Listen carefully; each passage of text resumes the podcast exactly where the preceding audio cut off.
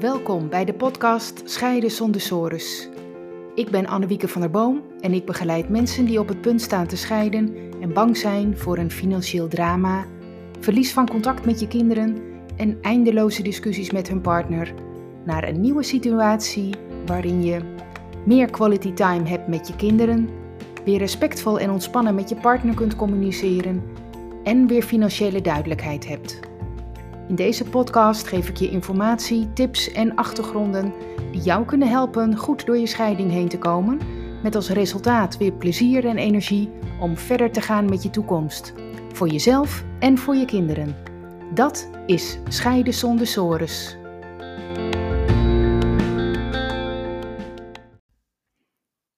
We gaan vast apart wonen en dan zien we wel. In mijn praktijk kom ik vaak de situatie tegen dat mensen al een paar jaar uit elkaar wonen en eigenlijk nog niks hebben geregeld in verband met de scheiding en ook niet voor de kinderen. Aan die situatie wil ik nu aandacht besteden. Er zitten namelijk best voordelen aan zo'n situatie, maar er zitten ook nadelen aan. En als je dit nog nooit hebt meegemaakt, weet je natuurlijk niet van tevoren wat die nadelen zijn. En daar wil ik graag inzicht in geven, zodat je zelf negatieve gevolgen daarvan kunt voorkomen. In deze podcast besteed ik vooral aandacht aan de kinderen. Ja, voor iedereen die gaat scheiden met kinderen geldt altijd als basis dat ze alles willen doen om te voorkomen dat de kinderen last van de scheiding zullen hebben. Uh, daar hoef je niemand naar te vragen. Dat is ieders wens altijd. Maar dan komt het lastige: hoe doe je dat dan in zo'n situatie? Ik geef even een voorbeeld. Ik werd laatst gebeld door een mevrouw die, um, die over haar situatie vertelde. Die was zo dat haar partner al drie jaar geleden uit het huis was vertrokken. En um, hij was toen ingetrokken bij zijn nieuwe vriendin. Uh, dat is natuurlijk al een heleboel wat ik zo vertel, want een scheiding op zich is al één ding. Uh, uh, uit het huis gaan is al een heel ding. En dan ook nog een nieuwe partner erbij. Dat is ook alweer een hele stap verder. Dus al met al is dat heel pittig. Toch gebeurt het wel in de praktijk. En dit is natuurlijk emotioneel heel erg zwaar voor de achterblijver, maar ook voor de kinderen. In zo'n situatie samen in één huis blijven wonen, dat is ook heel moeilijk. En dat geeft veel spanning en kans op ruzie. En natuurlijk voelen kinderen die spanning ook. En dat wil je niet als ouders. Dus ik begrijp best dat mensen dan toch de keuze maken om alvast uit elkaar te gaan wonen. Dat heeft ook zo zijn voordelen. Dan is het gewoon voor beiden rustiger. Je komt elkaar letterlijk minder snel tegen. En uh, dat geeft alvast een stukje rust. Daarbij komt dan nog uh, dat degene met de nieuwe partner zich best schuldig kan voelen over de situatie.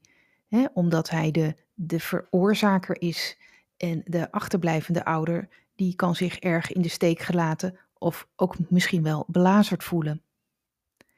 Dus heel veel emoties in zo'n situatie en dan is het dus best begrijpelijk dat je alvast uit elkaar gaat wonen. Oké, even uh, weer terug naar het voorbeeld. De situatie was dus zo dat de vader ergens anders ging wonen bij zijn nieuwe partner. De moeder bleef met hun dochter van 16 in de gezamenlijke woning wonen. Toen ik vroeg hoe het contact daarna tussen de vader en de dochter was verlopen, vertelde ze dat er helemaal geen contact was. De dochter was erg boos op haar vader, omdat hij was vertrokken en ook vanwege die nieuwe partner natuurlijk. En ja, daar werd ook helemaal niet over gesproken. Ja, het idee van de ouders was geweest dat er gewoon hè, bij het uit elkaar wonen, dat er maar wat tijd overheen moest gaan en dan zou het wel goed komen. En dan zou het contact met die dochter ook wel weer komen. Dat zijn ook hele goede bedoelingen.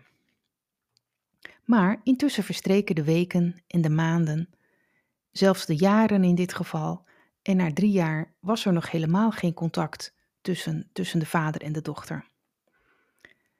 Um, ja, ze hadden ook het idee, de ouders, dat de dochter daar geen behoefte aan had. Ze was ook wel wat aan deze situatie gewend. Uh, en de moeder vroeg wel eens aan de dochter: Wil je niet even bellen of uh, naar je vader toe? Maar dan zei ze: Nou, nee. En ja, de situatie werd dus zo dat de ouders al drie jaar uit elkaar woonden, maar dat er nog helemaal geen contact was tussen de vader en de dochter. Ja, daar schrok ik wel van toen ik het hoorde. Want een periode van drie jaar geen contact hebben met iemand die je lief is, dat is veel te lang. Dat geldt zowel voor de vader als ook voor de kinderen die geen contact hebben met, uh, met hun vader. Kinderen hebben immers altijd ouders nodig, allebei de ouders. Dat willen ze zelf ook heel graag. Ook als ze weten dat hun ouders aan het scheiden zijn. Ook als ze weten dat er een nieuwe partner is. Het maakt ook niet uit waar de ouders wonen. En er is altijd wel een mouw aan te passen om een manier te vinden om toch contact te hebben. dat kun je niet afschuiven op, ja, ik woon nu een beetje klein of het is wat onhandig. Tenminste, mijn visie is dat dat uh, uh, niet kan. Ja, als de kinderen bijvoorbeeld niet in de woning van de nieuwe partner willen komen, en daar kun je iets bij voorstellen, of als je dat als ouders zelf niet wilt, dan, um, dan kun je ook wel op een andere plek contact met elkaar hebben. dat kan ook zijn bij de sportclub, of je brengt je kind naar een uitwedstrijd van de voetbal, of je gaat samen naar de film, of je maakt samen een wandeling, of je gaat samen naar de speeltuin bij wat kleinere kinderen. Of um, je, je, kind komt toch langs in de nieuwe woning, maar dan zonder dat een nieuwe partner erbij is. Dat valt natuurlijk allemaal wel te organiseren.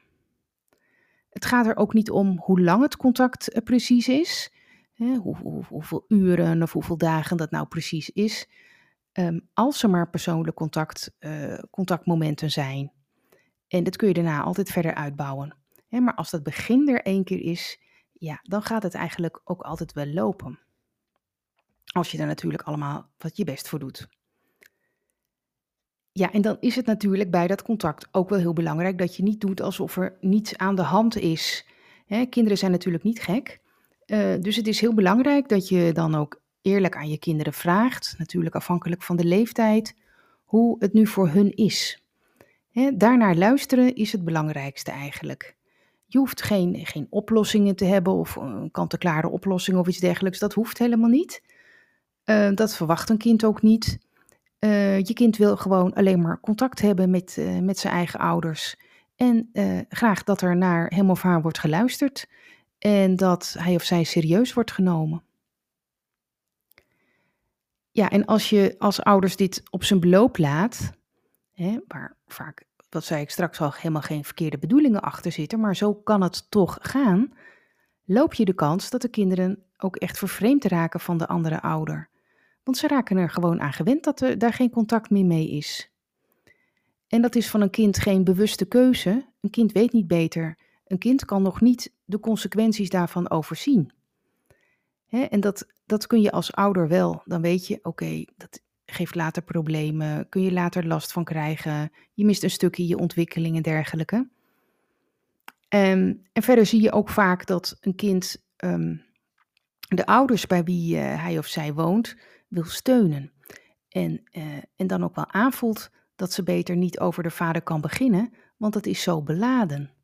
Hè? Zo voelt het vaak voor een kind. Daar sta je soms als ouder ook niet bij stil. Maar uh, dat is er vaak wel, dat gevoel bij een kind. Dus vandaar dat het ook zo belangrijk is dat je toch uh, met elkaar als ouders bespreekt van oké, onze dochter gaat dan en dan naar jou toe ouders kunnen die consequenties wel overzien en de ouders en niet het kind zijn er ook voor verantwoordelijk dat er weer contact komt. Um, ja, en als uh, een kind dan merkt dat uh, de ouders hier allebei heel serieus mee omgaan en ook hun best ervoor doen en ook het contact bespreekbaar maken, dan lucht dat voor een kind erg op. En daarnaast is het ook gewoon een kwestie van doen. Je hoeft er niet oneindig over te praten, maar uh, gewoon contact hebben, uh, klaar. En niet wachten tot uh, iedereen eraan toe is. Hè? Want ja, dan loop je gewoon kans dat, dat je zo'n situatie hebt, als in het voorbeeld dat ik gaf, dat de jaren voorbij gaan en dat er helemaal geen contact is geweest. Dat is gewoon heel erg jammer. Heel erg jammer.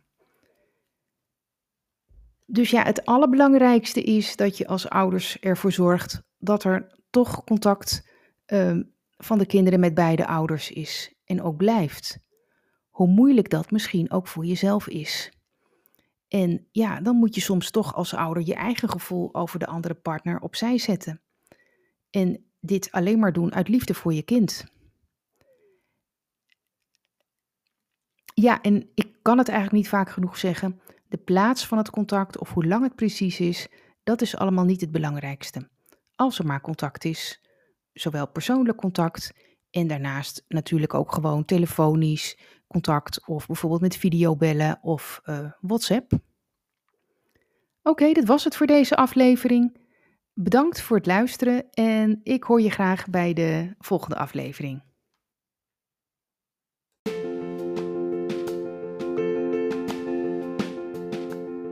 Leuk dat je hebt geluisterd naar deze aflevering.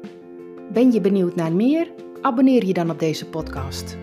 Dat kun je doen door bij Apple Podcast op het plusteken rechtsboven te klikken, dan zie je volgen. Bij Spotify door linksboven op het knopje volgen te klikken. Wil je meer weten over mij of wil je een gesprek met mij aanvragen? Bel me of stuur een e-mail. Mijn contactgegevens staan op mijn website annewiekebemiddeld.nl. Tot de volgende aflevering.